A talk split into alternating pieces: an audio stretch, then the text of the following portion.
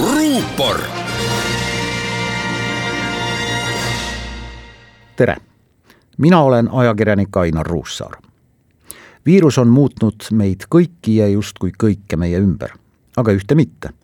idas asuva naaberriigi juht Vladimir Putin on pandeemiale vaatamata endine Putin Kreml avaldas lustakad videokaadrid sellest, kuidas Venemaa kuuekümne kaheksa aastane president veetis nädalavahetuse koos kaitseminister Sergei Šoiguga Siberis.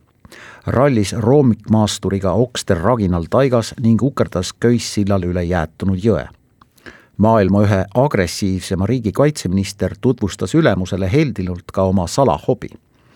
selleks ei ole täpsuslaskmine ega lõhkekehade valmistamine, üldsegi mitte idanaabrite sõjaminister voolib hoopis kuivanud okstest süütuid puukujukesi.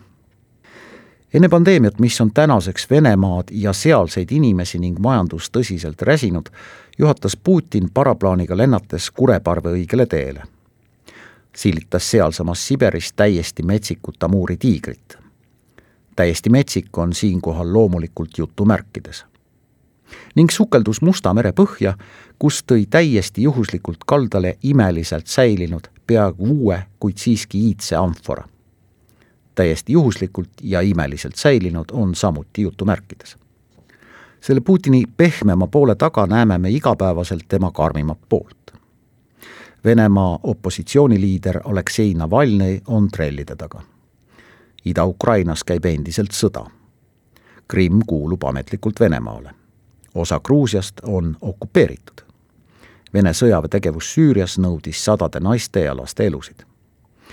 viimasel nädalal on Venemaa juht teravalt rünnanud Euroopa Liitu, Suurbritanniat ja Ameerika Ühendriike.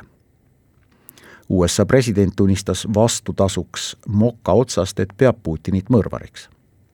Ühendkuningriigid nimetasid just Venemaad kõige akuutsemaks otseseks ohuks tänasel NATO tippkohtumisel muide kutsus just selle riigi välisminister Dominic Raab partnereid üles astuma ohu vastu, mida kujutab endast Venemaa, ja üheskoos tagama, et Venemaa seisaks oma vaenuliku tegevuse eest silmitsi reaalsete tagajärgedega. meie oleme üks Inglismaa partnereid ja Inglismaa on üks meie tugevamaid liitlasi. aga mida me peaksime sellest kõigest arvama, elades ise siin Putini Venemaa kõrval? uut hirmu ei tohi oma hoovi lasta aga oma riigi kaitset ei tohi unarusse jätta ka tervisekriisi ajal. teisipäeval arutas Eesti parlament riiklikult tähtsa küsimusena just meie sõjalist jätkusuutlikkust ja vähemalt minul jäi istungit jälgides mulje, et rahvaesindajate enamus on valmis säilitama kaitsekulutused senisel tasemel. ehkki eelkõige meditsiin ja mõned majandusharud vajavad täiesti põhjendatult toetust juurde praegu on Eesti kaitsekulud kaks koma kolm protsenti sisemajanduse kogutoodangust kaitseväe juhataja kindralleitnant Martin Herem ütles parlamendile otsesõnu. kaitsekulude senise taseme säilitamine võimaldab meil olla vastase jaoks jätkuvalt valusad ja ohtlikud. sellest allapoole minek tähendaks kindrali sõnul paremal juhul arengu külmutamist. muidugi ütleb ka lihtne matemaatiline tehe, et kui SKT väheneb, siis väheneb ka sealt protsendiga mõnda valdkonda suunatud raha hulk võrdluseks, Venemaa kaitsekulutused on kolm koma üheksa protsenti hiljuti Mägi-Karabahhi alad armeenlastelt tagasi vallutanud Aserbaidžaanil viis koma neli protsenti, isegi rohkem kui pidevas sõjalises ja terroriohus elaval Iisraelil. olen ikka püüdnud oma päevajutlused lõpetada positiivselt ja püüan seda teha ka täna. mitmed uuringud kinnitavad, et gümnaasiumi noorte huvi kaitseväes teenimise vastu on viimasel aastal kasvanud.